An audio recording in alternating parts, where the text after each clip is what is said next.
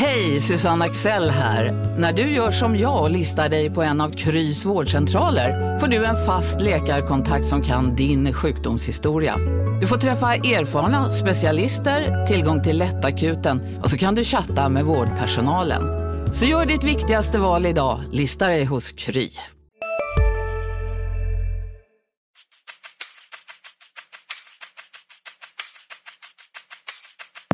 Mycket, mycket snack om det här inhoppet. Det är svårt att förbereda sig. Va? Så att, det är mycket känslor som spelar över.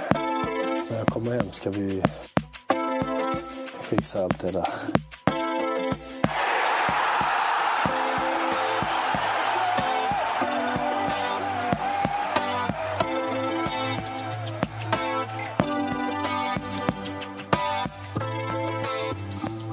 Välkomna tillbaka till MFF-podden. Det här är avsnitt nummer 197. Jag heter Fredrik Hedenskog. Jag har sällskap av Fredrik Lindstrand och Max Wiman. Hur har ni det så här dagarna efter att allsvenskan har tagit slut? Till nu vi ska säga att vi har svår abstinens och saknar den redan och att det är fem månader till nästa gång. Eller? Ja, till allsvenskan. Ja. Ja, Mm. Men det är ganska mycket fotboll kvar. ja det är precis det det är. Så Precis. där, jag, jag tycker det är jättebra. Det, För finns, ett lag. det, det, men det finns så mycket annan För två idrott. lag, Värnamo också. Ja. Och så några som kvalar till allsvenskan också.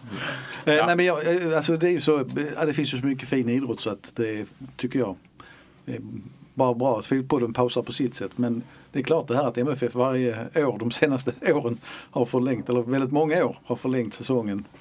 Eh, gör ju det ganska kul.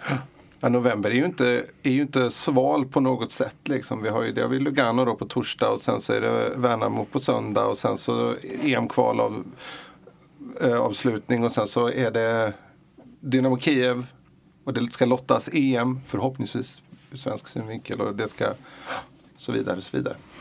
Får inte vila än. Nej. Det är skönt att Värnamo får åka med på denna. Ja, ja, nej, redan nämnt dem två gånger Ja. Och eh, jag såg att, Det har vi inte sagt här en enda gång. nej, jag såg att MFF-supportrar har redan gjort ett litet glädjeskutt eftersom Värnamo är generösa nog att bjuda på entrén och dessutom bjuder på glögg och pepparkakor under matchen. Alltså, glögg.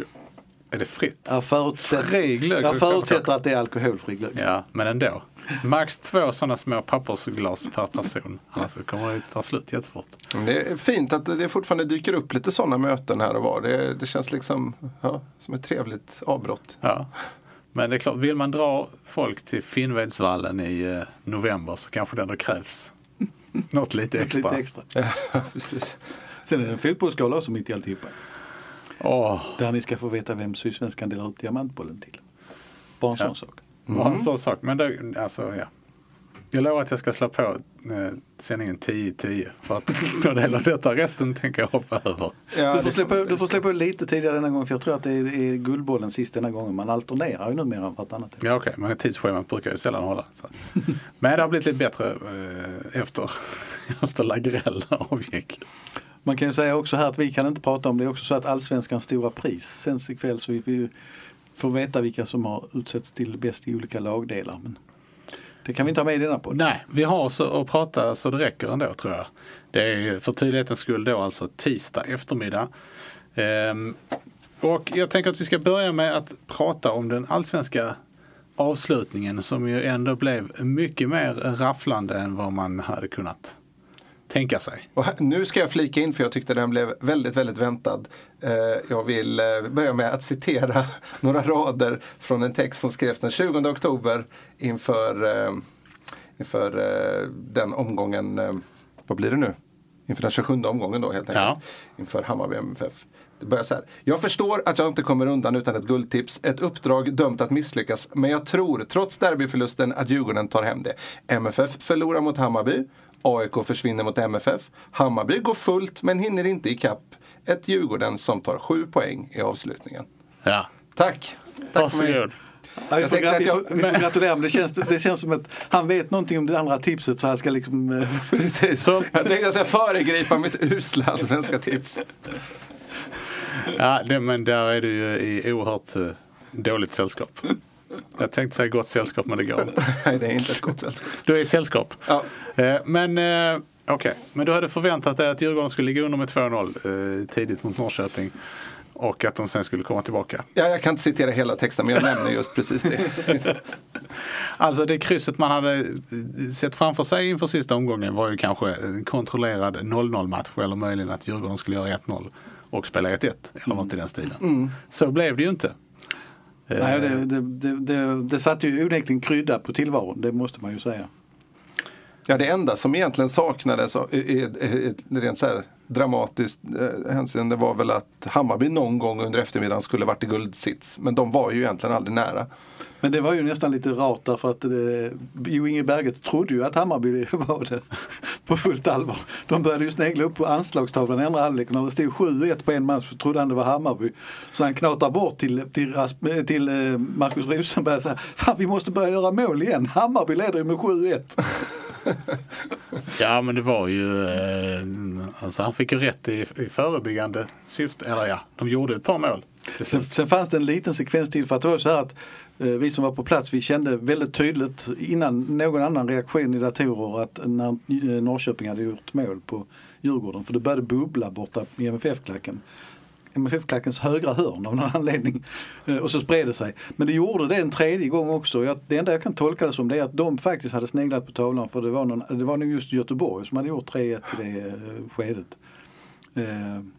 För då, då, då var det så nära att det blev, liksom blev en sån där explosion igen. Ja. Alltid fascinerad över de som får reda på det först. Det kan aldrig vara jag. måste vara liksom, de som har den absolut bästa sån scoren. Liksom. Jag tror att det är de som har med sig en, eh, en analog radio. Ja, men, jag tror det är det som gör ja, men det är intressant för att radion ligger alltid lite senare. Simor är ju bedrövligt för de eh, de ligger ju alltså en och en halv minut efter. Om man, Om man streamar, Ja, det, är- det är ju praktiskt på så sätt som om man ska skriva en match så kan man ha samma match på datorn för att då, då, då kommer repriserna nå- någorlunda lägligt. Liksom. Men det, Fredrik har nog rätt. En analog, dat- eh, tele, det? analog radio är nog det som är snabbast faktiskt. Eftersom då, då får du ljudet. Mm. Ja, men det är. Sen hade vi bakom oss var det lite, jag ska inte nämna vilken, men det var en av landets eh, kvällstidningar som inte var riktigt, kände sig riktigt förberedd. För de började hela tiden fråga varandra, vad, vad, vad händer nu? Vad händer nu? Vad, när det står så, vad, vem, vem leder då? så det var lite stökigt även på, på pressläktaren. Men det är klart det var Man får ge dem att de inte är vana så mycket. Nej, det är klart. Det är sällan det händer. Men det är klart att det blev ett, som sagt en extra krydda och en oväntad krydda skulle man väl vilja säga. Men jag tror att alla, åtminstone vi som var där, så var det väldigt tydligt eh, att när Djurgården gjorde 2-1 då, då visste alla att nej, men det kommer inte att hålla på något sätt. Det, det här är, det blir det logiska resultatet till slut. Ja, och sen som liksom på beställning där, då kom ju Rött kort. ett, ett andra gult kort där på Torarinsson så då var det ju då, då är det ju svårt för dem att och liksom storma an så att säga. Ändå känns det eh, som att det är på sin plats med en stor eloge till Norrköping. Eh, som ju verkligen även efter utvisningen försökte att vinna matchen. De skapade inte så mycket. Men de, de, det var inte så att de liksom slutade spela. Nej. Nej, det, det, det måste man ju säga verkligen. Det, det, är ju, det är stort gjort av dem. Sen brukar det ju som jag har sagt innan, det laget som behöver vinna brukar ju vinna i de här sista matcherna. Man kan väl säga att man ska vara lite kritisk mot Örebro så Malmö FF gjorde en fantastisk match men det kändes ju inte som att Örebro var på tårna i den matchen. Nej, och, och jag tänkte faktiskt på det för Örebro har varit involverat en del i de här sista omgångarna och eh, som Hammarby-supporter kan man ju framförallt vara rätt missnöjd med Örebros insatser. Omgång 27, 0-2 mot AIK.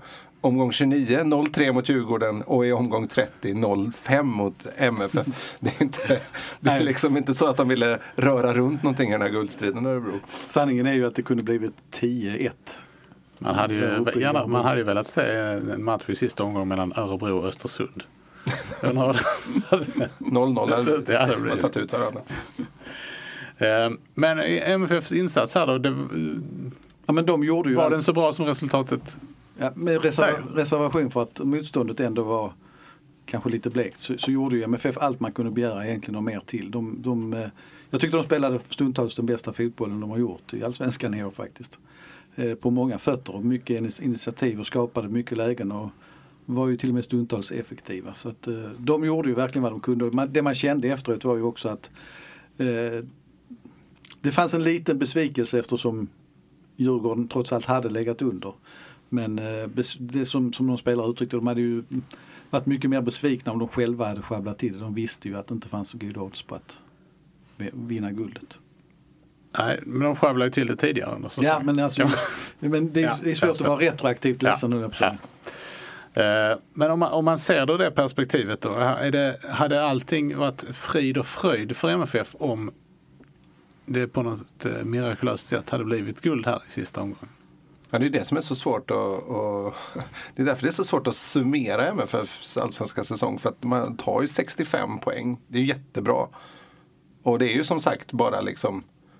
Ja, Kujovic eh, erkände väl efteråt att eh, Djurgårdens kvittering, det är, han, det är ett skottförsök. Det är inte en framspelning. Så den hade gått på mål istället om målvakten hade tagit den. Så hade Ja. du, alltså det är, ju, det är ju så himla himla lite som skiljer i slutändan. Det är svårt att kalla saker och ting fiasko när man är med i en guldstrid in i sista minuterna av en lång, lång serie. Sen finns det misslyckanden på vägen och att Malmö kanske med det laget de har borde kanske ha avgjort ännu tidigare. Men det är som Fredrik sa, 65 poäng. Det som tror jag faktiskt är så, eller det är så att Malmö FF aldrig släppt in så lite mål i snitt per match som de gjorde den här säsongen. Eh, Nej, 16 insläppta, det är ju helt makalöst. det, det är ju ett fantastiskt facit på många sätt och vis. Sen kunde de gjort fler mål. Det hade räckt att de hade gjort ett till på Östersund borta. Eller ett till på Sirius. Eh, Det är Eller liksom- satt mer än en av sju Sju straffar. straffar, ja. Det finns ju alltid en massa sådana här grejer att peka mot. Men, men eh, Nej, det, det är det som är, det blir väldigt mycket antingen eller om man tittar på det, det blir ju lätt också att man sitter och tittar på enstaka matcher och hittar sekvenser där. Men det, det kan man ju också göra för många andra lag. Hammarby har ju också sådana matcher som till exempel när de möter Kalmar borta tror jag det är. Det blir 2-2 i slutändan har jag för mig. Och, alltså det, det är också en match som är helt otrolig att de inte vinner. Och det räcker ju för dem också för då är de mästare istället. Eh, samtidigt så hade MFF tagit tre poäng mot Sirius i somras så kanske de inte hade knutit näven på samma sätt Nej, under hösten. Och, alltså, det, det, det är liksom svårt att tänka så riktigt tycker jag. Och min, min summering är väl någonstans att en klubb med MFFs muskler ska inte behöva förlita sig på enskilda sparkar i enskilda matcher. Det ska finnas större marginaler än så. Och det behöver ju inte nödvändigtvis koka, koka ner till vad Ove Rössler har, har, att det är hans fel på något sätt. Det kanske är högre upp eller en kombination av allting. Skulle, ja, och ett ansvar hos spelarna också kanske. Mm, I vissa lägen att, att de inte har varit tillräckligt taggade i några matcher. Mm. Eh, också under året. Ja. Det, är, det är mycket, man, man, vi ser vissa matcher så klart man tänker att eh, när de kör över Örebro på det här sättet att hade man spelat så mot Sundsvall i andra omgången i våras så hade man inte förlorat den matchen. Nej. Det, det, det, det, det är samma sak där, det går att resonera hur länge som helst. Jag tycker man ska lyfta blicken lite grann mer också. Eh, vi kan ju faktiskt nu summera 10-talet redan, det är ju helt galet. Men om jag räknar rätt väldigt snabbt i huvudet nu så har MFF fem guld, två andra platser, en tredjeplats, en fjärdeplats och en femteplats. Jag tror de flesta större lag skulle vara hyfsat nöjda med den utdelningen. Eh, femteplatsen är väl den stora plumpen så att säga, det var en dålig säsong. Men det är ju ändå... eh, Ja, det var det. Eh, Men det här är ju trots allt nu det första gången sedan, sedan säsongerna 2011-2012 där MFF har gått två år utan att ta SM-guld. Om man bygger någon slags skala som där man har fiasko i ena änden och bara otur i andra änden. Var, var hamnar man här? En konstig skala. Ja, det är en jättekonstig skala.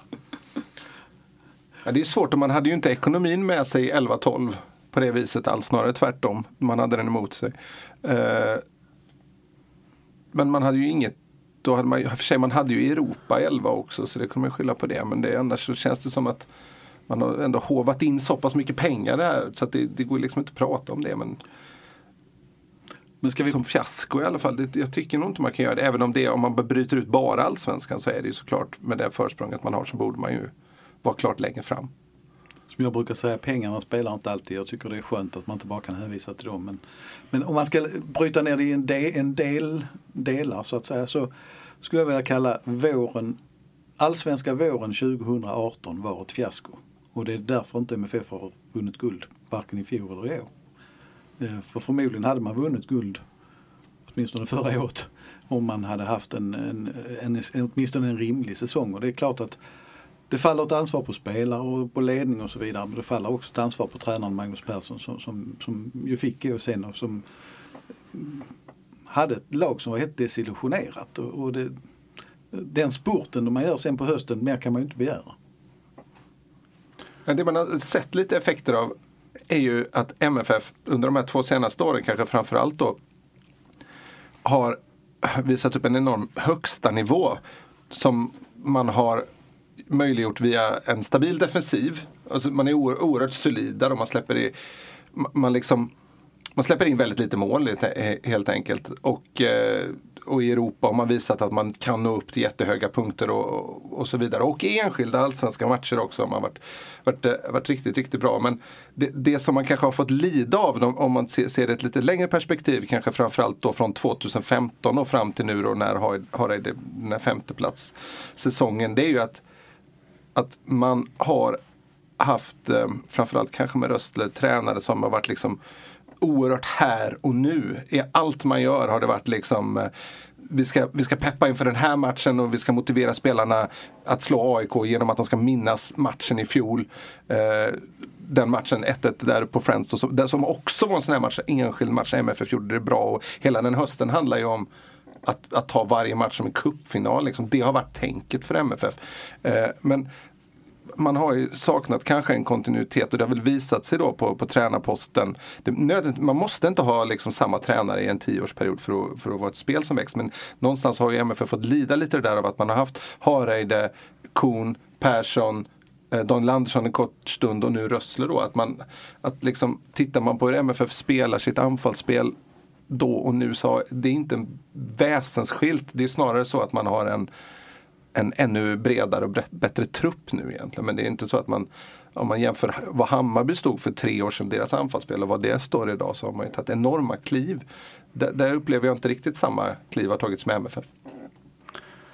Eh, vi kommer ju att återkomma, tänker jag, med någon sorts årssummering här. Eh, Ja, men det ska komma till att det, just det eh, visar sig mer i det allsvenska spelet då som sträcker sig över så lång säsong.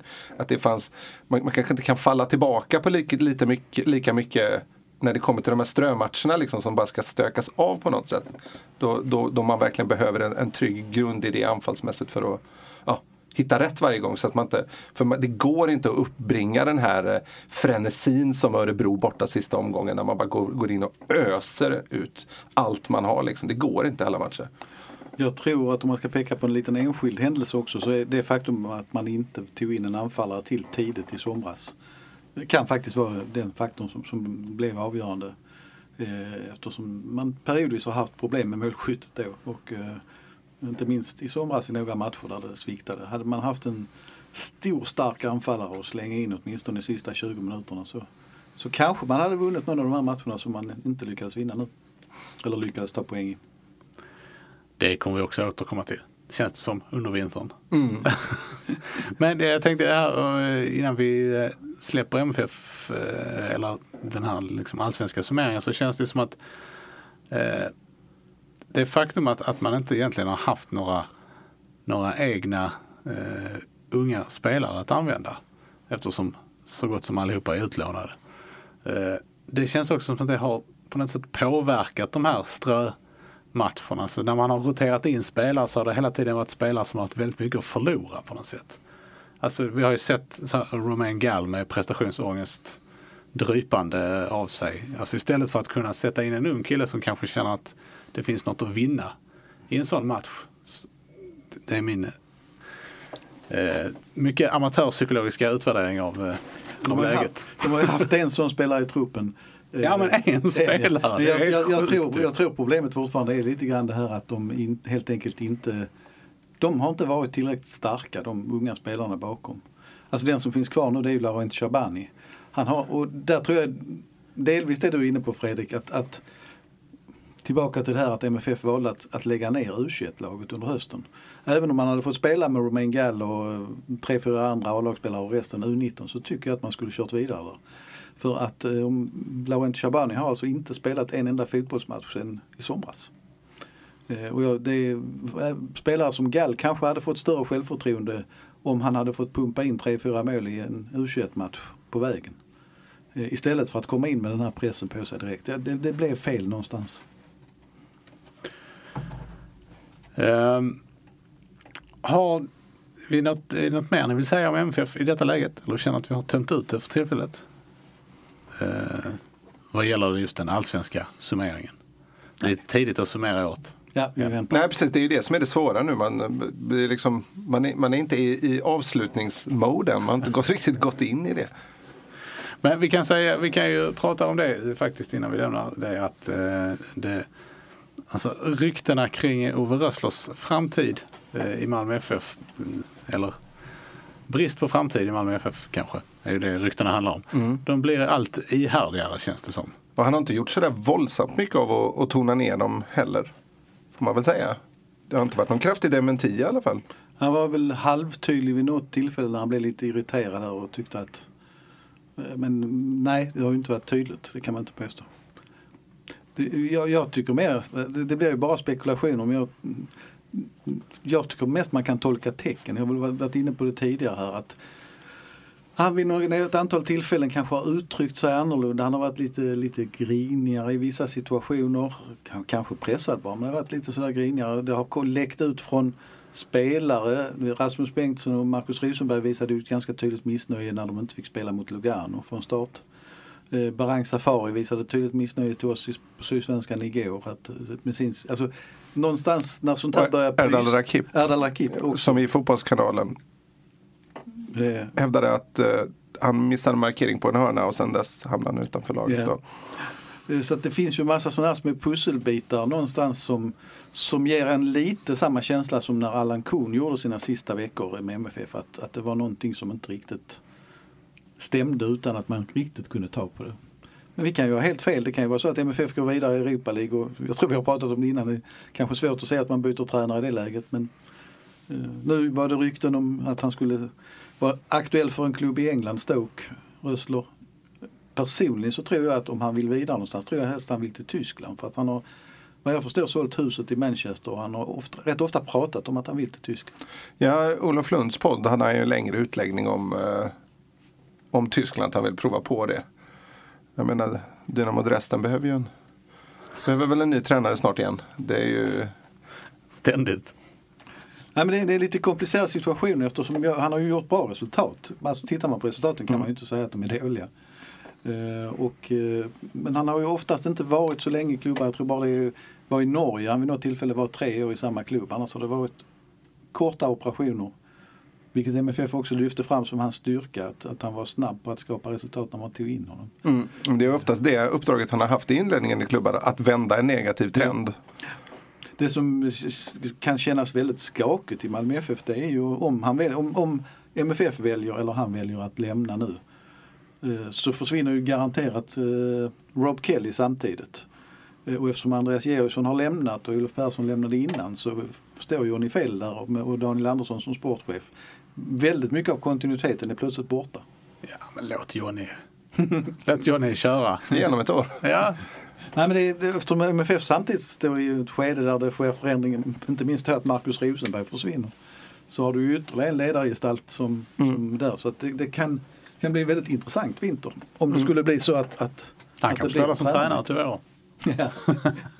Ja men det är väl också så, apropå just det med Rosenberg, eh, Rössler lyfte ju det på presskonferensen att det är också så här man tittar på tecken då, liksom också väldigt spekulativt, men det säger att M, klubben måste involvera honom. Det är inte så att Rössler uttrycker det på sättet, jag ser gärna att han jobbar kvar i klubben så att vi kan dra nytta av honom nästa. Det, ja, det är också nyans, små nyanser så här, men hur man uttrycker sig sådär. Sen jag vill betona att jag, jag tycker inte med någon självklarhet på något sätt att Rössler ska bort från tränarjobbet. Det är inte det det handlar om. Utan det är mer att det, Nej, så där känns det ju, i detta läget känns det, det tycker jag, det handlar ju mer om om det är så att han söker sig bort. om han söker precis så, ponera, ponera att MFF byter tränare nu, missar guldet igen nästa år. ja, då Då har man missat eh, guld tre år i rad för första gången sen, eh, ja, 2000.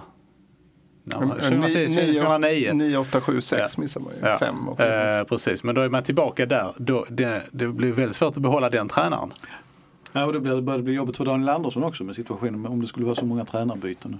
Det men alltså, alltså, om, om Rössler själv vill vidare då är det ju sin sak. Och, och det är ju också så om det finns någonting inom MFF som vi inte fullt ut vet. Eh, som gör alltså att, att Rössler eh, på något sätt skulle vara för komplicerad för att leda laget framöver. Eh, så det är ju sin sak. Men, men det är inte en, det är inte resultaten motiverar ju inte ett tränarbyte. Det kan inte jag påstå i alla fall.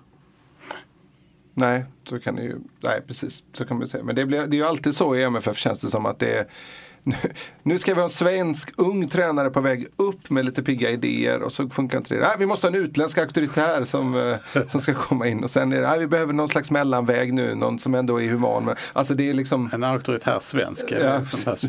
Och då säger- Lagom. Då säger jag ju som som, har- som jag, många, säkert många gamla, många gamla supportrar säger att MFFs tränartradition är väldigt stark att plocka utländska tränare och väldigt framgångsrik. Det finns då ett par undantag. Tom Prahl och eh, Roland Nilsson. Jag vet inte om jag ska ta med Rickard Norling där för det var så stormt. Eh, men, men historiskt så har ju MFF haft sina största framgångar under längre perioder med, med utländska tränare. Eh, så är det. Så är det. Vi Men, inte, ja just det. Vi Ja, skulle precis. inte prata så mycket om detta men det gjorde vi i alla fall. Gjorde vi det i alla fall? Ja, det var ju mitt fel. Nej, jag vet inte, det var Rössler-ryktena som eh, ja men de känns väl... eh, Ja. Ja, men det det är finns, Jens Gustafsson är väl det namnet som IFK Norrköpings tränare då, som känns som det som det ryktas allra mest om nu då. Både Expressen och Fotbollskanalen har ju skrivit om honom. Och då så är det, det är det enda som är säkert att det inte blir han. För om man tar de tre senaste tränarna så är det ingen som har gissat på dem, det kan jag säga. Men, eh, men förr eller senare så har de rätt. De brukar ju vara underbyggda. Mm. Eh, Fotbollskanalen och, framför, och Expressen. Mm. Faktiskt. Eh, nu tänker jag att vi ska titta lite, lite bredare på allsvenskan 2019 än bara Malmö FF. Eh, och jag har bett er att eh, ta fram saker, personer, företeelser som har mer eller mindre definierat allsvenskan 2019. Ehm, och jag lämnar ordet fritt här. Vem vill, eh, vem vill börja? Ja, alltså det, det som den, eh, om vi inte tittar på rent, eh, det rent spelmässiga då kanske utan det runt omkring så känns det ju, och framförallt i våras så är det ju villkorstrappan som har varit den stora snackisen känns det som. Ehm, den polarisering mellan ståplats och polismakten. Som kanske inte varit lika tydlig här nere som den har varit framförallt i Stockholm. Men Den har väl blossat upp lite grann i Stockholm igen på Mm. slutet här har förstått hela rätt. Samtidigt så eh, vill jag då vara tråkig återigen och säga liksom att när man upplever det som vi fick eh, se mellan när MFF mötte AIK. När det, då enligt de uppgifter som finns tillgängliga nu small tre bangers från AIK-sektioner. sektionen. Får se om något annat visar på något annat för det gör inte saken bättre. Jag, jag förstår liksom inte hur man ska nå vidare när de här incidenterna eh, fortsätter att ske. Att det, villkorstrappan tycker jag som tidigare ett trubbigt och dåligt vapen men någon måste snart bestämma sig liksom och, och ja, det kanske behövs krafttag på vissa områden. Eller så får man ju backa fullständigt och acceptera förhållanden som de är. Men det, det är för det är för duttet nu. Tycker jag. Duttigt. Det är en känslig fråga men, men Ja, det förstår jag. det Ehm, men vad, eh, känns det som att det har Alltså tycker ni att det har, har det, Jag tycker att- man en känsla av att det har skett någon utveckling under året? Ja men alltså, det är svårt att uttala sig om Stockholm, i alla fall för mig. Eh, det känns som att man behöver liksom nästan vara på plats där oftare. Och, och, men om man tittar på det ur ett malmöitiskt eller kanske skånsk synvinkel så då känns det ändå som att eh, MFF Support och tillsammans med MFF har gjort ett väldigt gediget jobb för att närma sig polisen och, och liksom hitta en, en en liksom, eh, vad ska man säga, gemensam grund där man går vidare på ett sunt sätt. Och det känns som att förhållandet här nere har, varit, har blivit rätt mycket bättre efter våren. Eh, att man pratar med varandra på ett annat sätt. Det har inte stormat och eh, tittar man på matchen mot AIK, en av de största högriskmatcherna i serien, så har ju faktiskt då fick ju MFF släppa in ganska bra med folk på, på ståplats till exempel. Vilket är ett tecken på att man någonstans. Sen så finns det ju den andra sidan av det att det har ju det har inte bränts mindre direkt. Om det nu, om det liksom, det, och det var ju det som man ville komma åt från början. Så jag vet inte om polisen har tålamod längre. Helt plötsligt så sitter det en polischef som har bestämt sig för att det här dög inte. Nu tar vi med hårdhandskarna igen. Och så är man tillbaka på ruta ett. Eh, det, det är svårt, det, jag tycker det är svårt att säga någonting om det överhuvudtaget. Liksom. Jag är inte heller förtjust i åsikt, eh, åsiktstrappan, villkorstrappan. Åsiktstrappan är, den finns säkert där med. Men eh, villkorstrappan som jag, ja, det är ju kontraproduktivt. Skulle jag säga. Men, Nej, men det är som du säger Fredrik, och det, det bör man absolut lyfta. Det har ju varit väldigt lite incidenter i Malmö. Alltså, Mm. Det är ju stök och bråk är ju väldigt sällsynt. Uh, sen är bengalfrågan, den, den är ju, lever i sin egen värld för det är någon som måste bestämma sig hur det ska vara. Eh, Egentligen. Att, eh, ska man följa regler eller ska man inte följa regler? Ska man ändra regler? Egentligen är det ganska enkelt. Men det är klart det är inte så superlätt att lösa det. Däremot så tycker inte jag att det, det här med villkorstrappan Eh, alltså det är ju på sitt sätt att ta i med hårdhandskarna men det är att ta på sig fel handskar. Det blir liksom bara, det, det är det jag menar med det blir bara duttigt. Eh, jag stå, kan stå för åsikten, även om det drabbar många kollektivt, att om det, man kan bevisa att AIK tre bangers small på deras sektion. Ja men då är det tom supportersektion på minst en hemmamatch. Alltså någonstans, om man, om man vill ta tag i problemet, man, kan, man, man måste bestämma sig. För då, då är ju också bangers något annat än en vanlig bengalisk eld, det kan man konstatera.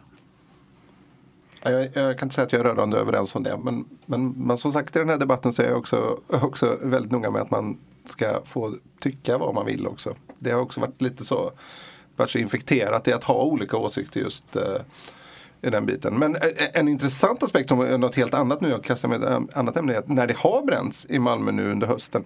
Det har inte varit samma upprörda stämning som jag upplevde att det var i våras. Att det var ett gäng som buade väldigt kraftigt.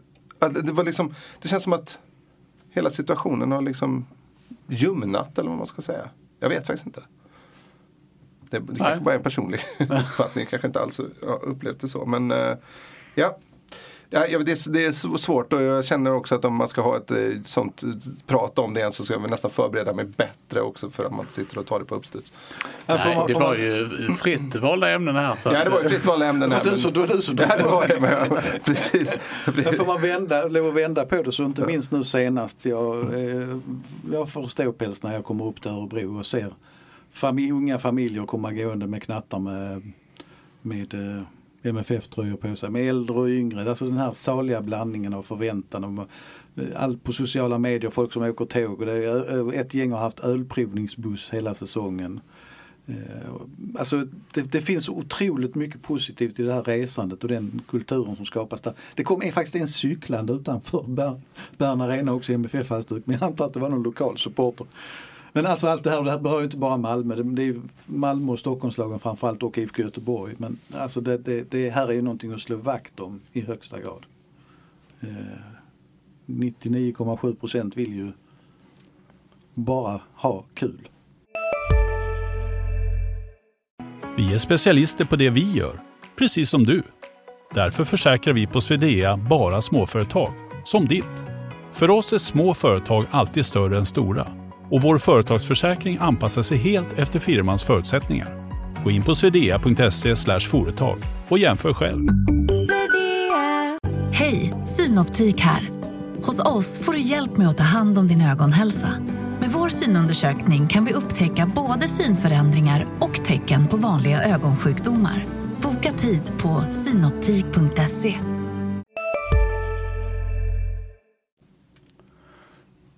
Då går vi vidare. Max, nästa ämne. Nu vet jag inte vilken jag ska börja. Jag hade med den punkten kan jag säga med supportrarna också. Så att jag, inte... jag ska ta en lite udda punkt som jag inte ska bli för långrandig på. Eh, när jag tittar på tabellen, sluttabellen nu. Eh, så tycker jag att man kan skönja något väldigt tydligt. Alltså mellan sjuan, åt, åttan Elfsborg och nian Örebro. Så skiljer det 10 poäng. Jag tycker som att det känns som att allsvenskan har delats in i en division 1 och en division 2 väldigt tydligt. Eh, och eh, det, det, att det det är en, Helsingborgs supportrar med ursäkta men eh, det är väl det laget man kan diskutera men annars att det på något sätt är en rätt så logisk uppdelning som har skett av serien. Det är de storstadslagen, där, om man tittar på Göteborg, IFK Göteborg av tradition och Häcken av, med hjälp av Gothia Cup och sin starka filosofi finns med där. Och sen är Norrköping och Elfsborg som trots allt har varit svenska mästare och ändå kommer från en relativt stor stad och har en god tradition. Där går strecket liksom. Sen är resten av gängen har det, eh, spelar på en annan nivå. Att HF finns där, det, det tror jag de får brottas med för att det, det är ju gamla försyndelser. Det, egentligen borde laget kunna finnas högre upp men jag tror det dröjer innan de är tillbaka högre upp. Ja, det, det är ju gamla försyndelser som, som har en tendens att göra sig påminda hela tiden. Eh, De har ju haft väldigt svårt att få rätt på det. Eh, Ja, detta om detta, jag, det är svårt att säga emot. Det är väl i så fall att det var nästan alltså att Elfsborg sällade sig ju liksom anslöt till Göteborg i- närmast i slutet av serien. Ja. Länge var det ju sju lag som var helt loss från de andra. Men om det är sju eller åtta, det, kan jag, det är ändå en uppdelning. Det är en väldigt tydlig uppdelning. Eh, Fredrik, Mm. nästa. Ja, eh, VAR tog jag upp då. Eh, Yes, jag har också med den. Ja, precis. Härligt!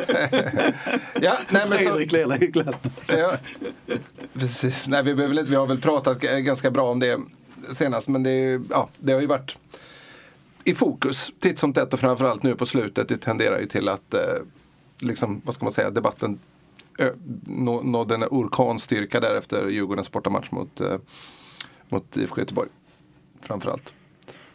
Vill du säga något om VAR? Nej, jag, vet, inte, jag vill inte säga Du sa VAR. inte så mycket sist. Så jag Nej, jag sa väl inte så mycket sist. Jag, jag kan få återkomma i ämnet. Jag är, inte, jag är inte glasklar på det. Jag är försiktigt negativ, men jag är inte hundraprocentigt negativ. Nej.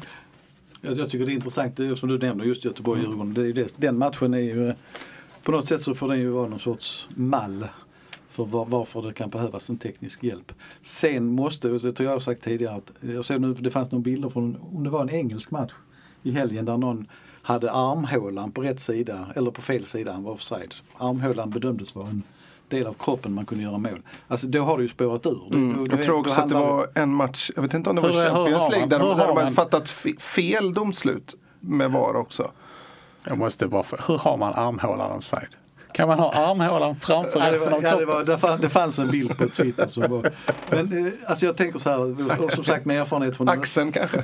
från att döma annan idrott. Alltså hellre fria än fälla. Det ska ju vara en klar men tydlig situation. Alltså det, annars blir det ju bara tramsigt. Eh, ja, vi kanske inte behöver fördjupa oss i Nej. den diskussionen Nej. igen. Men den har väl präglat allsvenskan, men nu har det ju kommit. Det, nästa år får vi ju inget. Nej. Det blir det inte. Max, har du något, något annat? Ska vi ta kul eller tråkigt först? Nej, det får du. Nej, men det, bara ta, det är mer bara en, en randanmärkning eller en notering. Det, det är det här som hände i Kalmar FF och runt Magnus Persson. Att, eh, jag upplever fortfarande Magnus Persson som en fantastisk personlighet och han kan ju oerhört mycket fotboll. Men det är klart att det är någonting som är ett problem när man hamnar i de här situationerna med lag som man gjorde med MFF och som man gjort med Kan ju nästan slänga in Henrik Larsson i den mixen Ja, också. faktiskt också. Det är, jag, där ser du, apropå glömma bort. Mm.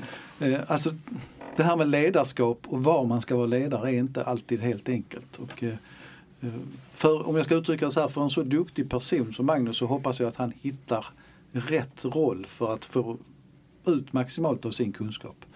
För det känns inte riktigt som han får det i, som allsvensk tränare om man uttrycka det så. Ja, men det, det är intressant faktiskt för jag satt och tänkte på när man, när man tänker på de MFF-tränarna, den, den med potential egentligen att utveckla MFFs spel bäst. Alltså rent liksom vad man sitter på för fotbollskunskap. Så är kanske Magnus Persson den allra bäst lämpade för det egentligen.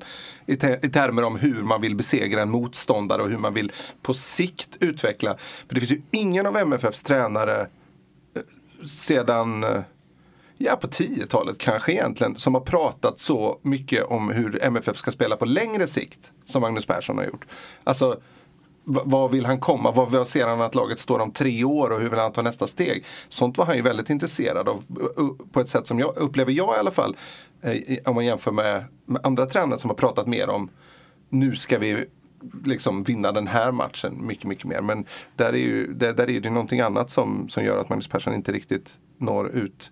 Det gäller ju, man måste ju äga sitt omklädningsrum också. Och det, det är väl där det brister kanske då. Det kändes ju också som att situationen i Kalmar var rätt så otacksam från Ja. början. Där väldigt, väldigt många runt omkring förväntade sig att Henrik Rydström skulle ta över. Ja, och jag tror också det är svårt. Eh, Det är nog inte lätt heller om man har eh, två stycken Elmbröder i laget. Det, de har nog en ganska klar uppfattning om hur de vill att saker och ting ska styras och det gäller nog liksom att dra jämnt med dem. Men då är det där att, att för att man ska klara det så, så måste man väl ha vissa ledaregenskaper. Precis. Eh, ja. Mm. Som Åge Hareide hade när han klampade in i MFF med Mm. till exempel. Ja men precis. Ja, men där har vi, har det, det har ju en tydlig spelidé och körde liksom snabbt innan och liksom fick ju MFF och, och, och liksom verkligen leverera under två intensiva år. Men ja, det är ju inte säkert att Hareide hade haft kvar, fortfarande haft kvar jobbet att, att MFF hade vunnit mer med honom Nej, då. Det, det är inte riktigt det. Eh, då lämnar jag tillbaka ordet till dig Fredrik. Ja, alltså man skulle ju kunna säga plastgräs men det har vi ju ändå pratat så pass himla mycket om eh, ändå. Det är, ju inte, kan ju det prata är om kanske inget speciellt för i år. Men det, Tillbakagång. När nu två konstgräslag, konstgräslag åker ur allsvenskan och två gräslag går upp. Och vi hoppas att Kalmar slår bort Precis, skulle Kalmar eh, vinna kvalet mot Brage så, ehm, så har alltså konstgräs, eh, antalet konstgräslag i allsvenskan sjunkit från 10 till 8. Det innebär till exempel att eh, lag som Djurgården och Hammarby får spela fler än hälften av sina bortamatcher på naturgräs. Fruktansvärt. Ja, Nu avbröt vi Lindstrand. Ja. Ja. Nej, det jag skulle komma till istället var, var att eh, hela ö, soppan kring Östersunds FK som ju... eh, som är konstgräsrelaterad. Ja, precis. precis. Den har ju fått, den har, den har absolut inte fått sin upplösning idag med att eh, Daniel Kindberg döms till tre års fängelse. En dom han eh, meddelade ganska snabbt att han överklagar till ingens förvåning. Eh, men också hela, alltså hela soppan kring ÖFK. Det, ekonomin som är i krasch och eh, den samma Ghoddos-affären som har inneburit att spelaren inte får spela. Och, sitt Amiens, Amiens, hur man uttalar det. Ja. Men det är ju eh, ändå fascinerande det här där alltså tre personer döms för ekonomisk brottslighet.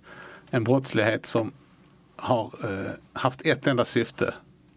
Att, det vill säga att gynna en, ett fotbollslag. Men fotbollslaget kan man inte straffa. Ja, det, det, vi, vi pratade lite om det där ute innan med andra kollegor innan. Alltså Svenska fotbollförbundet måste göra någonting åt hela sitt regelverk.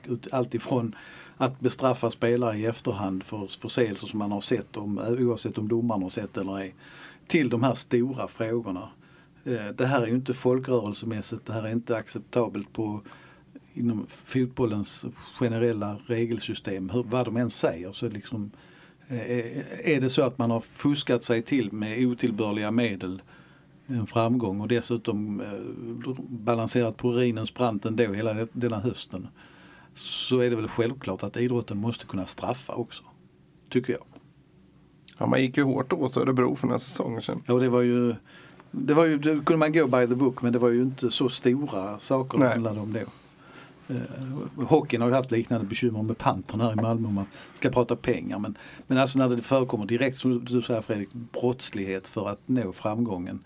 Eh, man måste ju ifrågasätta eh, vi pratar mycket om föreningsdemokrati och den är jätteviktig men man måste ju också ifrågasätta hur den fungerar. Om eh, eh, liksom, eh, Kindberg kan lyckas göra allt det här med sin styrelses goda minne och eh, naturligtvis människor han väl själv i princip har satt dit men att inga medlemmar reagerar på vägen. Alltså det finns ju alla varningsklockor som finns.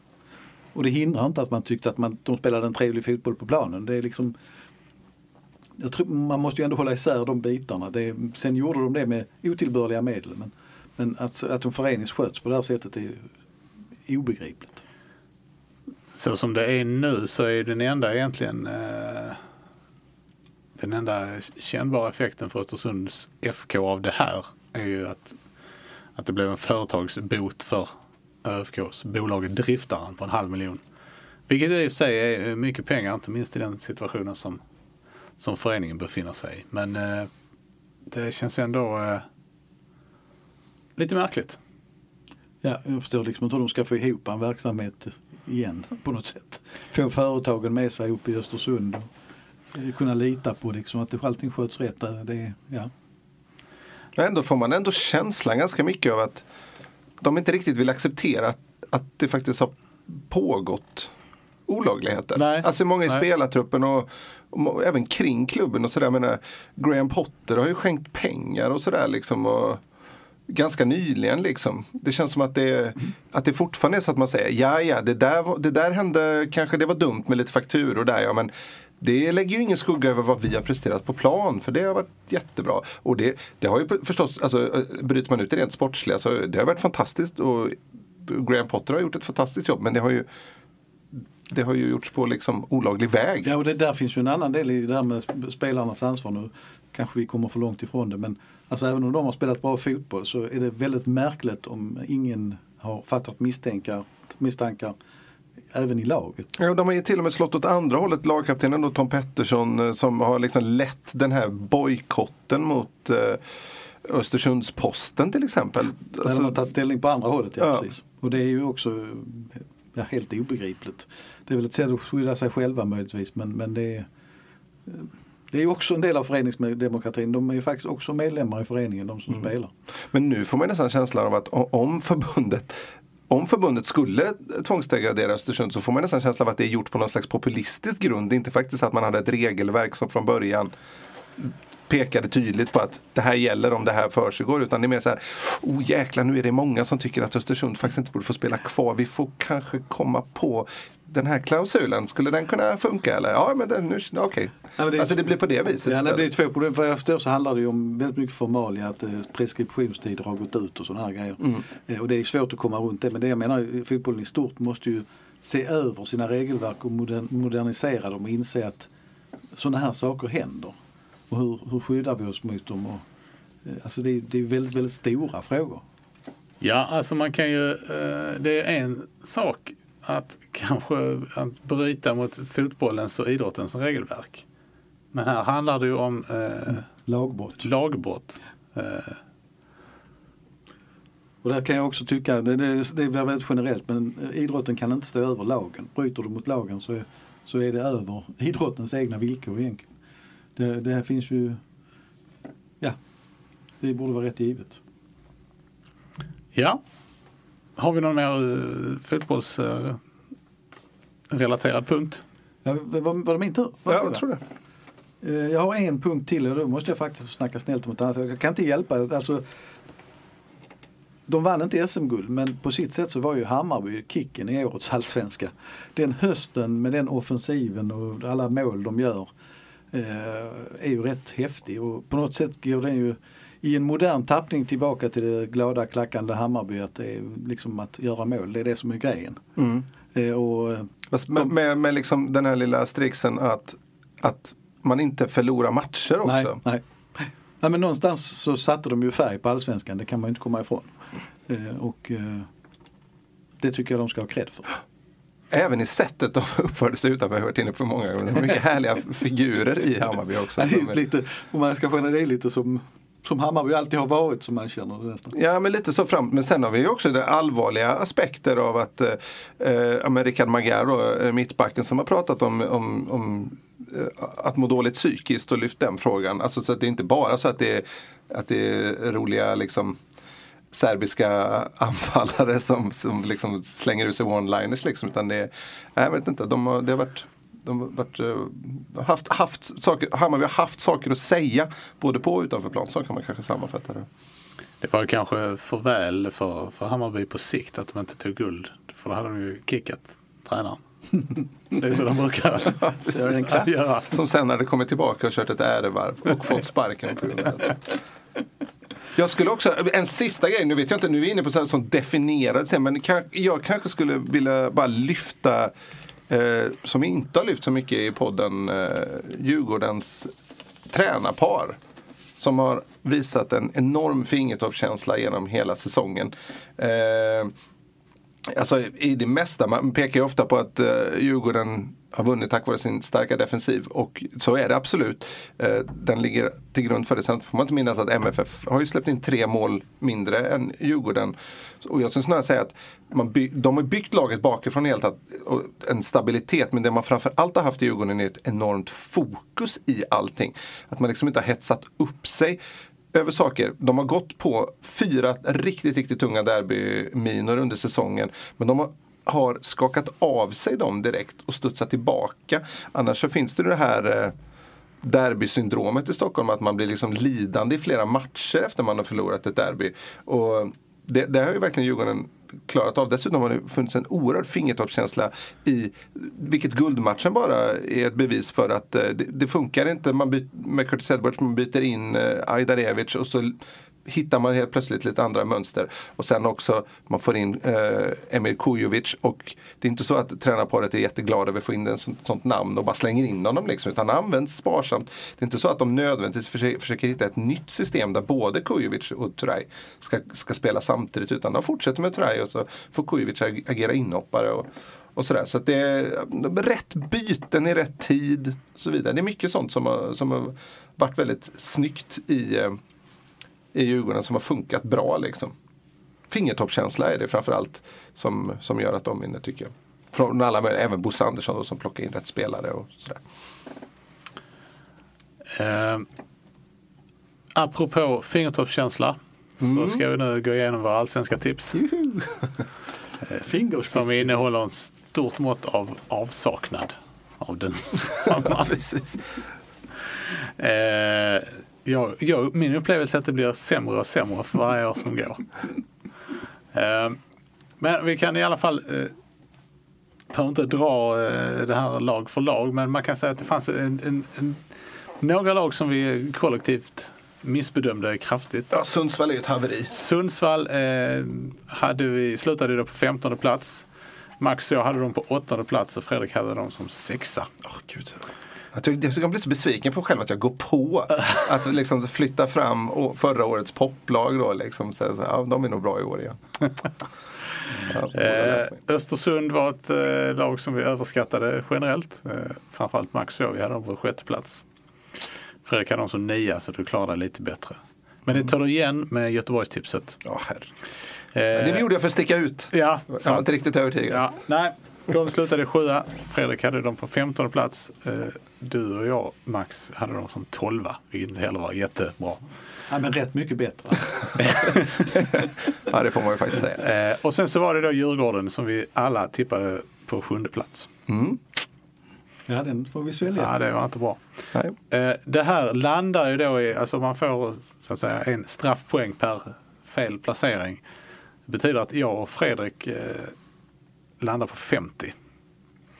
Och eh, Max får 46. Och du skulle se hur han kämpade när han sa det. Åh, Så att jag får, vi får fundera allvarligt på om vi ska göra det här. ja, nej, det känns inte lönt att fortsätta. Jag tycker vi ska fortsätta. Men 50 och 46, vad har vi haft tidigare säsonger? Har du det Jag, vet, jag, tror att, alltså jag tror att man har vunnit runt 40. Ja, då, det är bedrövligt i år. Ja, jag tror det var ja. under 40 någon gång till och med.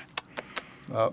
Alltså man ska säga i rättvisans namn så eh, alltså Fredrik du är ju ehm, eh, om man istället hade tagit någon sorts median på det här. Så du, du har ju fler lag eh, som är ganska bra tippade. Men så har du några som men Ja. Det är det där med att sticka ut hakan. Precis, så jag ser mig som en moralisk vinnare då. Jag enkelt. tycker du kan göra det. Men det är fascinerande att vi har, det är alltså ditt tips med HF som 10 i tabellen är det enda rätta. Det enda Av alla, nej. Av alla. Det är, det Det är, inte bra. det är Nej, det är nästan osannolikt att Ja. det kan bli så faktiskt. Eh, nej, förlåt. Max hade AFC som jumbo. Oh, Så att ni fick varsin. Jag hade ingen. Och jag tippade till och med, vi hade ju några sådana säsongsutsägelser också. Ja, Minns du dem? Bland annat att Falkenberg inte skulle vinna borta. Den sprack mot Kalmar. ja just det. Och eh, så hade vi också att AFC, jag hade att AFC skulle klara sig kvar utan kval. I, Den fick jag inte rätt inte. Nej. Jag förstår inte varför du tar upp det. Nej, jag förstår inte heller. Men jag, hade, jag har ju också mina tre sista, tre sista omgångar där jag hade Ja. helt rätt. Eh, nej, men eh, det, vi hade några sådana också. Men vi, det kanske är lika bra att vi inte går igenom Ja, fler. de var ju på lite eh, mer varierande grad av allvar. Ja, inte mer säga. att man ska komma ihåg dem. Nej. Nej, precis. Nej. Jag skämtade ju förstås när jag sa att AFC skulle klara Ja. utan kval. Nu så ska vi titta, prata lite Europa League. Mm. För den fortsätter ju. Ja. Eh, Det är, eh, allsvenskan är slut och det pratas om eh, eventuellt blötsnö över delar av Skåne här på tisdag eftermiddag. Men vi kör på ändå. Nej, de ska ju inte spela här. Nej, det ska de inte. MFF spelar ju på torsdag borta mot Lugano. I, Lugano spelar också borta i Sankt Gallen. Eh, och eh, då kan vi väl först bara redogöra kort för läget i laget, den senaste träningsrapporten. Ja, vi har haft kurir på plats. Eh, Johan Dahlin medverkade inte. Det, det, det påstås allmänt hög belastning och att han behöver vila med att det inte ska vara någon fara för match. Det ringer en liten varningsklocka där för mig. Eftersom det, det var ju en match han stod över när det var sånt snack. Eh, Frans Brorsson tränade inte. Han kände en känning i ett lår men det påverkar ju inget. Eftersom han har varit borta hela hösten tragiskt nog. Mer oroande att Sören Rex på nytt har bekymmer med en infektion i såret där han blev stämplad för ett tag sedan. Vilar sig av försiktighetsåtgärder. Jag tror ändå att han spelar. Och Vi, vi skickade precis ut en artikel Okej. som eh, vår kurir skrev. där Jesper Robertsson säger att det är ingen fara för matchen med Johan Dahlin. Nej, vi får lita på detta. Just. De har ju mörkat där. Så det var bara en sån liten. Nej, och sen eh, Anders Christiansen, vad jag förstår då. Jag vet inte om det står mer i artikeln Fredrik, men att det verkar lite mer optimistiska där nu att det skulle gå fortare än förra gången. Och det är klart, då skulle han kanske kunna vara tillbaka till Dynamo Kiev hemma. Och det är klart, det hade ju inte varit fel. Just på en hemmamatch tror jag Ja. AC kan göra Det är, nytta. det är inte förrän den 28. Nej. Och dessutom klockan 21 på kvällen så han får extra timmar. Timmarna kan vara avgörande. Ja. Nej, den kan ju verkligen bli. Det är ju, det är ju avgörande. Lugano-matchen är ju borta i här. är ju- Det är ju gruppens minst intressanta om man säger så här. Eller, får man säga så? kan man säga så? Nej, men det, Ja, det det, kan man. MFF åker ju dit och det är ganska skönt för dem på ett sätt att, att de, de, det, det är ju inte kris ens om de förlorar. Nej. De sannolikt, även, och skulle FCK och Dynamo Kiev spela oavgjort, fine, det är man två poäng efter, då måste man sannolikt vinna mot Dynamo Kiev. Men förlorar Dynamo Kiev så ja, då är läget fortfarande bra. Då kan man till och med klara sig med kryss om man slår. Alltså det, ska man inte förlita sig på det. Men det är liksom inget som avgörs borta. Det är inte så att läget är förtvivlat på något sätt. Men skulle Lug- Lugano vinna så är det ju faktiskt så att då plötsligt har de lite att spela för igen också. För då är de lite med i matchen. Eh, Lugano fick ju en viss effekt av sitt tränarbyte. De, tog ju, eh, de vann ju i ligan i helgen för första gången sedan Doffelman. upp, första eller andra omgången.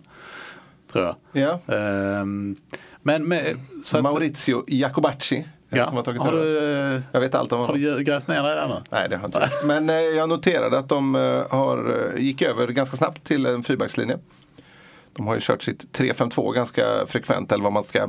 Det är alltid svårt där, man, man ser mycket på transfermark då, hur de kör för uppställningar och sådär. Men det, man vet ju inte alltid hur det ser ut i praktiken på plan. Men eh, vad jag har förstått mig, så, om, vad jag har lyckats förstå av texter därifrån så är det en fyrbackslinje de har kört då. 4, 2, 3, 1 med Gant som spets. Gant som förut var riktigt bra mot MFF. Vi kanske inte berömde honom riktigt till. Jag har tittat på hans mål några gånger till det han gör. Det är jäkla klassmål. Snabb till, snabb, snabbt. eh, Väldigt kort tillslag i det. Ja precis, det går oerhört fort. Det är två touch men det är liksom i samma rörelse på något sätt. Ja, men med ledning av eh, hemmamatchen här då, vad är det som, vad, vad gäller för MFF i Schweiz? Att de ska spela sitt eget spel och tro på det och fortsätta på det de gjorde mot Örebro. Tycker jag. Eh, och framförallt då naturligtvis spela med bästa möjliga lag utan konstiga utvikningar att någon ska vilas av någon okänd anledning. Man ska ju komma ihåg att den segern togs ju faktiskt med några av de absolut bästa på bänken. Nej, det, blir, det blir spännande. Det är oerhört svårt att se hur Rössler resonerar inför den här matchen. Men någon känsla är ju ändå att eh, och det, det kanske vore det smarta att Molins och Rosenberg får börja hålla i bollen för man, och, och sen så Antonsson ligga på rulle lite grann. För en sak är ju att Lugano måste ju vinna den här matchen. Och det är också, för dem är ju det här den lättaste matchen i gruppen. Malmö FF hemma. Det är ju ingen annan match de har så här stor vinstchans i egentligen. Om man ser det bara rakt på pappret. Och de har ju också, de känner ju säkert en hunger efter matchen i Malmö där de ju hade en bra andra halvlek. Så ja, där, där finns ju liksom, det borde finnas ytor för MFF att utnyttja det där. MFF är också ett bra kontringslag. Nej, i alla tillgängliga så skulle jag vilja se samma lag som mot Örebro med skillnaden att Brang Safari givetvis ska spela istället för Jonas Knudsen. Spontant. Jag noterade även att Sabatini, lagkaptenen, fick gå ut efter 30 minuter i deras eh, senaste hemmamatch. Jag har inte hittat några rapporter om han, om han är körd inför, eh, inför eh, MFF-mötet. Här. Men, Någonstans måste man ju spekulera lite grann i, ja, visst de behöver pengar och, de, det och så vidare, de har en liten chans. Men om, att de kanske ändå måste lägga mer fokus på ligan just nu. Känns lite grann så. med tanke på hur de ligger. Får man bli väckta, eh, eller vi fort, ska prata mer Lugano? Ja, men jag tänkte bara för, eh, för att slutföra Fredriks poängscenariodiskussion här. Alltså vad är MFF, ska MFF åka dit och spela för oavgjort med De ska, oavgjort plus? tycker de ska gå de för segern. De ska ju för sig. Ja, för de, alltså, att resa hem därifrån och ha med sig eh, och, ha, och stå på sju poäng. Det är ju, det är ju ett kanonscenario för då kommer man, om de vinner så, kan, så kommer de ju att eh, ha en av de två första platserna med sig in i de två sista omgångarna. Uttryckte jag mig luddigt nu? De kommer ligga antingen etta eller tvåa. Ja det måste de göra Ja. även om det blir oavgjort i den andra. Ja, och då kan man ju faktiskt eh, FCK spela hemma mot Kiev. Nu, nu är man ju långt fram här. Säg att FCK vinner och MFF vinner mot Lugano. Då räcker det ju med kryss hemma mot Dynamo Kiev. Och sen kan man säkert förhandla fram en situation med FCK där man delar på poängen i sista omgången. Och, och tar sig vidare på det Har viset. aldrig hänt förr va? Nej, precis. Har Danmark och Sverige kommit överens om ett oavgjort resultat någon gång? Minns inte. Nej, men eh, nej, det, alltså, en vinst här är ju verkligen, alltså då, är, då ser ju läget oerhört ljust ut. Och jag menar inte att de ska tokgå för det, alltså det är inte så. Men de ska våga spela sitt eget spel eh, och våga vara offensiva. Lite det de har tvekat i vissa matcher i Allsvenskan. Och till sin hjälp har de ju nästan 900 bortasupportrar på en arena där de kommer vara i, i övertag. Alltså ljudmässigt övertag, helt övertygad om. Det, senast eh, de spelade hemma var det 1200 åskådare mot Dynamo Kiev. 1281 om vi ska vara petiga. Ja, och det är liksom, Det blir, det blir förmodligen färre nu. Alltså färre hemmaåskådare. För där var väl förmodligen inga från Kiev. Kan nej, precis. Så man kan tänka sig att Lugano-fans kanske tar sig till St. Gallen på, på helgerna liksom, när det är matcher. Men att göra det mitt i veckan blir kanske en annan resa för dem. Ja, nej, det känns inte som att de... Det, det, de kommer att dominera kraftigt. Man- Ja, och, det, och, och hela den biten liksom. Och, och att St. Gallen, eller vad säger att Lugano faktiskt inte är hemmalag. På, alltså, de är ju hemmalag men att det inte är deras arena. Liksom. Där, där, det är ju, men jag tror inte man ska utnytt, underskatta det, det sportsliga betydelsen för det faktiskt. Det, ja, det, Nej, man ska ju komma ihåg, de, i ligan spelar de ju i Lugano så att, så att eh, detta är ju bara deras andra match där. För de har ju inte kvalat. nej precis, precis. Det, Så att eh, det är ju... Det är ju ja, de får ju spela där i ligan, ja. Ja. Stämmer, det stämmer. Vi ska strax avrunda men Max du var inne, lät som du hade något. Nej, jag tänkte bara kliva fram till. mot nästa match eftersom det har sipprat ut lite ytterligare från MFF då. Men ni som ska gå till... Glöggfesten alltså? Nej, inte glöggfesten. Nej, men det kan nog behövas glögg även vid denna fest skulle jag vilja säga. Nej, men, eh, eh, det är ju så här att ni som ska gå och se Malmö FF Dynamo Kiev den 28 november, redan tanken där liksom 21.00 då är det väl mössa och ylletröja på och kanske tjockaste jackan. Men ni ska, Ska du ta- ha det? Eh, nej, inte jag. Alla- Ingen mössa? Alla Då fegisar. blir jag besviken. Men eh, alla ni som då liksom är där, redan där, ni ska nog ta på understället också eftersom Malmö FF har bestämt sig för att man, vilket är väldigt snyggt, kommer att hylla Markus Rosenberg med en, det de kallar en tredje halvlek efter matchen. Så cirka 15 minuter efter matchens slut kommer det att bli massiva hyllningar till kaptenen för hans sista hemmamatch. Och då kan ni räkna ut själva att klockan passerar 23 denna novemberkväll. Sånt brukar alltid vara, vara sevärt. eh, Det, det, Att det- Men när HIF hade ju en ganska bra avtackning av eh, Henrik Larsson. När han slutade som spelare. Inte, trän, tränare, tränare och slutet har inte varit lika bra. Avsluten har inte varit lika bra. Eh, nej men det här med att eh, liksom det dyker upp eh, stjärnor på en storbildsskärm som ge- ger hälsningar och sånt. Som, sånt brukar vara rätt eh, effektfullt. Man kan väl tänka sig att det blir något sånt. Det blir det säkert. Och de har också eh, Eh, via supporterhuset då uppmanat folk att eh, smycka hela stadion med banderoller till hans ära. Så att det, det kommer ju säga, alltså framförallt om det skulle vara så att det går bra för MFF och de plockar minst en poäng i den matchen eh, så kan jag ju tänka mig att eh, det kan bli en, en rätt häftig förjulstämning där nästan. Precis. Och vi kan ju också vi kan ju också tänka att det blir så här att de får stryk nu mot Lugano och sen så får de stryk mot Dynamo Kiev och är ute ur eh, förlorar gruppspelet. Då blir det lite tråkigare. Men nu ska inte jag kanske. Rosenberg- Rosenberg, kommer vara på något lysande humör då. Nej, Rosenberg har stukat knät eller något sånt. Här. Nej, usch, nej. Nej, men han var faktiskt, det kan jag säga då att han, även om nu Malmö missade guldet uppe i Örebro eller då inte lyckades få hjälpen. Så han avtackades ju snyggt av Örebro med en kvast blommor och eh, han utsågs också till matchens bästa spelare där. Vilket, eh, och eh, han bjöd på leenden även i den stunden när de var tvåa. Så att han, jag tror nog han känner det här. Det kommer att vara en speciell kväll för honom i vilket fall som helst. Matchen på torsdag i Lugano blir ju också lite speciell för honom eftersom det är en alldeles vanlig match. Det är inte sista av någonting. Sista matchen i, matchen i Schweiz. Ja, det, kan, det är lite väl tunt va? Först, Ja. Första och sista matchen Ja. i St. Det Gallen. kanske är Barang Safaris sista match i Schweiz också. Så kan det vara. Det är lite mer. Om man får spela. Ja. ja, så vi får se hur det blir med det. Det här har varit avsnitt nummer 197 av MFF-podden där vi anser att konstgräs ska förbjudas i svensk elitfotboll. Jag heter Fredrik Hedenskog, har haft sällskap av Fredrik Lindstrand och Max Wiman och ansvarig utgivare är Pia Renqvist. Tack för oss, hej hej! Hej! Hej.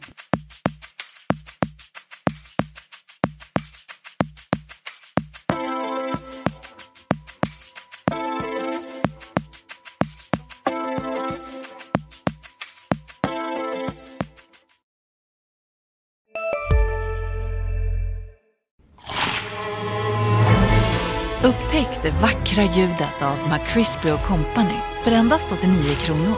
En riktigt krispig upplevelse. För ett ännu godare McDonalds. En nyhet. Nu kan du teckna livförsäkring hos Trygg-Hansa. Den ger dina nära ersättning som kan användas på det sätt som hjälper bäst. En försäkring för dig och till de som älskar dig. Läs mer och teckna på trygghansa.se. Trygg Hansa. Trygghet för livet.